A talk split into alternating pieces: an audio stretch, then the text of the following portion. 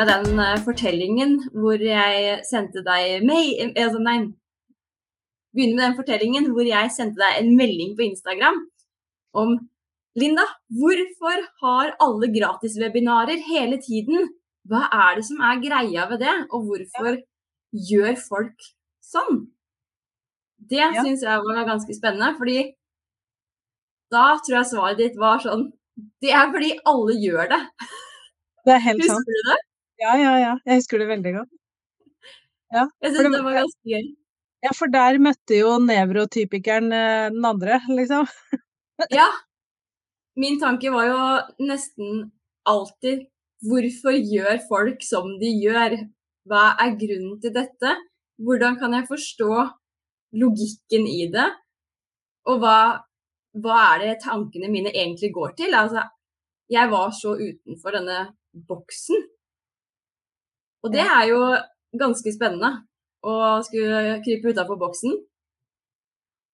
Og det som gikk opp for meg, da, var at jeg var jo så innmari inne i boksen. Det ble en skikkelig hat. Ja, så veldig òg. Fordi liksom når du bare Hvorfor gjør vi det gratis? Eh, jo, fordi sånn og sånn, og kundereisen og bla, bla, bla, og hooke folk og Ja, ja, ja, jeg vet alt det der, men hvorfor gjør vi det gratis? Nei, fordi sånn og sånn og sånn. Ja da, jeg skjønner det, Linda, men hvorfor gjør vi det gratis? Og da blei det svaret mitt til slutt. Det er liksom Nei, det er jo det alle andre gjør, da. Og da tenkte jeg stille i mitt sinn, jeg tror ikke jeg sa det til deg, jeg bare For jeg har jo ikke egne meninger, selvfølgelig.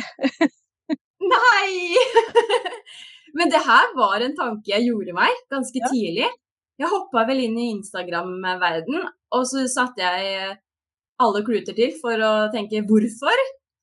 Og så vi, snakket jo vi om dette med at hvis du fikk med deg så og så mange på et gratiswebinar, så var prosenten altså, Husker du hvor mange prosent det var som du tenkte at man skulle konvertere til å bli kunder? Husker du hvor mange det var? Er det 1 Ja, alt, alt under fire, holdt jeg på å si, er vanlig, fire. Ja. ja. Og så gjorde vi jo et uh, testprosjekt hvor vi satte opp et, uh, et betalt uh, webinar, eller snakket med noen som hadde satt opp et betalt webinar, hvor de fikk inn bare åtte-ni ti deltakere, mm. men hvor konverteringsprosenten var helt lik, nesten. Mm. Og kanskje høyere, fordi de som faktisk betalte seg inn på webinaret, de var jo varme kunder. Det var jo de som virkelig ønsket å jobbe med akkurat dette temaet. Ja.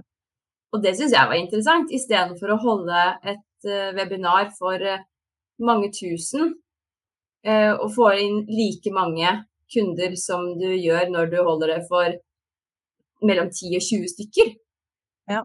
Det er jo en avveining man må gjøre, ikke sant. Hvordan er det mm-hmm. man Skal man leite etter de varme kundene i en stor eller liten pott, da? Og der kommer jo kanskje betalinga inn. Ja. Det er jo et valg man gjør. Eh, ja. Det er jo fordeler og ulemper med alt. Fordelen med å vise det til veldig mange, er jo at de blir jo ambassadører som snakker videre til de rundt seg om jeg har hørt om en dame, liksom. Mm. Eh, så ja, nei, det er jo noen avveininger man må gjøre sjøl. Jeg syns jo det var spennende, men det var jo en sånn uh, Jeg kjente på en del uh, sånne bedragertanker. Ja. Eller særlig når, uh, når man går mye utenfor boksen, og gjerne stiller hvorfor-spørsmål til mye, så får man noen spørsmål i hodet som er sånn Hvorfor er det bare jeg som tenker sånn her? Eh, er det noe galt som meg som har disse perspektivene? Eh, vil jeg ikke lykkes hvis jeg tenker og gjør på denne måten? Og det er eh, tanker som ikke er nødvendigvis er fremmende for en bedrift. Så disse tankene de puttet jeg fort i en skuff, men de kommer. Og hvis man ikke er bevisst at dette her er bedragertanker, dette er tanker som er begrensende for utvikling, så er det kanskje de man havner i. At man bare går og snakker seg selv ned istedenfor å putte det i den boksen og så si sånn Dette er lureri. Men det høres jo litt ensomt ut? Ja.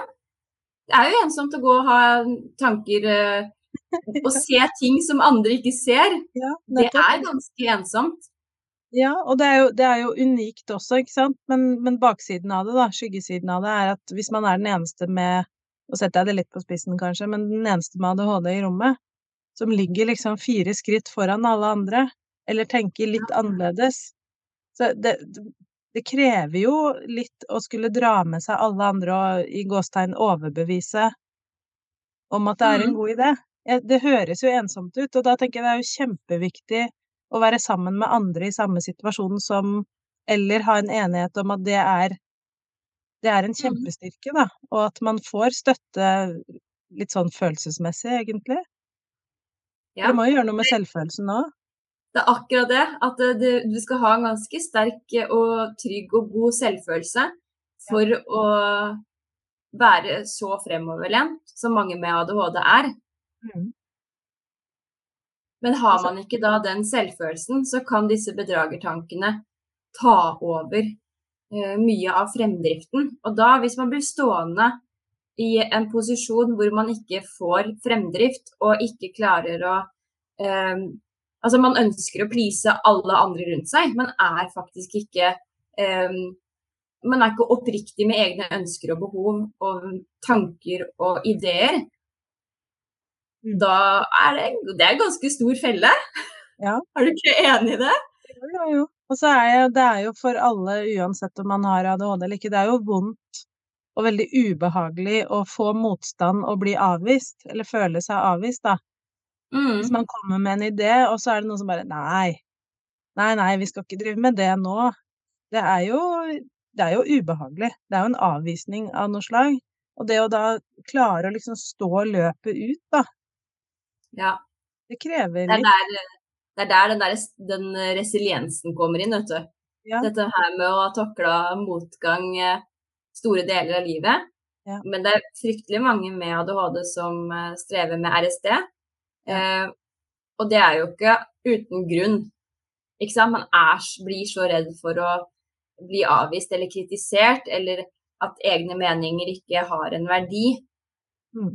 Og de som eh, strever mye med dette, de, det er absolutt eh, det beste anbefalingen jeg kan komme, er å søke andre i samme posisjon. Andre gründere som også har ADHD. Da har du et mye større fora, fordi andre med ADHD vil skjønne disse linjene, de sammenhengene, disse innovative tankene ganske raskt. Ja. De vil skjønne hvorfor du stiller spørsmålstegnet 'hvorfor' ved alt sammen hele tiden. Ja, nemlig. Ja, og så en strategi som jeg har lært for min del, er for man må jo jobbe litt kanskje med det indre også parallelt, da. Mm. Eh, og sin egen resiliens og, og selvtillit er jo at jeg har jo merka, hvis jeg klarer å tenke på det på den måten her, da, at når jeg får motstand, så må jeg faktisk for meg sjøl finne enda flere argumenter for hvorfor. Mm. Og det gjør jo at når, når jeg da får de, den avvisningen eller motstanden eller spørsmåla, de kritiske spørsmåla, så, så blir jeg enda bedre. Jeg blir enda tryggere, hvis det er riktig, da, selvfølgelig. Noen ganger så vipper det jo andre veien. At jeg tenker det, nei, men det er et godt poeng, jeg eier det kanskje ikke så mye. Ja. Men at i, i de tilfellene hvor det er helt riktig, så blir jeg blir faktisk enda stødigere av motstanden. Ja, det har det tatt tid, altså. Å lære seg det og snu på det sånn. Man kan jo bli helt vippa av pinnen og gi opp alt også, men, men det er noe med å øve seg på å bruke det som en styrke også. Mm.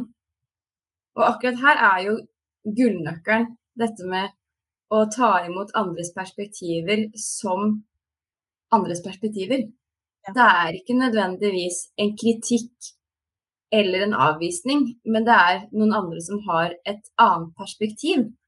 Og dette med å ta imot andres perspektiver med en åpenhet, det er jo det du gjorde med meg. Husker du det? Når, du, når jeg kom og sa 'hvorfor det, hvorfor det, hvorfor det', så tror jeg du og jeg møttes til en teamsamtale, og så sa du «Han Marte, det har gått opp et lys for meg' Ja, ja. etter alle disse hvorfor-spørsmålene dine, at ja, vi skal være enda flinkere til å stille spørsmål om hvorfor vi gjør som vi gjør. Ja. Og da var det jo ikke sånn at jeg, jeg tror ikke at du følte at jeg kritiserte deg fordi at eh, jeg stilte disse spørsmålene. Absolutt ikke. helt til vi kom til enden av det, hvor du faktisk svarte at det er jo fordi alle gjør sånn. Ja. Ja, man, man, følger alle andre fordi noen har sagt at det er det som er riktig. Ja. Ja, og, jeg, og det var jo det jeg svarte, så bare Dæsken. det er et godt poeng. Ja, hvorfor gjør man det egentlig? Det er et veldig, veldig godt spørsmål. Nei, men skal vi prøve noe annet, da? Da får vi jo ja, det. For det var jo ikke en avvisning. Eller det var jo ikke en kritikk nei, nei. til deg. Det var bare et Nei, nei, jeg tok ikke det til meg i det hele tatt. Et nytt perspektiv, da. Ja. Og da, og da har vi jo styrken. Og det beriker livet, ikke sant. Hvis man klarer å ta det som Ikke tar det rett på seg, da, og personlig, men tar det som et nytt perspektiv og noe man kan lære av. Mm. Da blir det litt lettere, en del ting. Ja, og så får man en utvikling som er ganske Ja. stor. Ja. Det her eh, er eh, den gode motsetningen til fixed mindset. Absolutt. Det må vi ha en eh, episode om eh, en gang, Linda. Ja. Absolutt. Kult. Skal vi eh, oppsummere litt? Ja. Har vi, har vi et sånn avsluttende råd på det her? Avsluttende råd.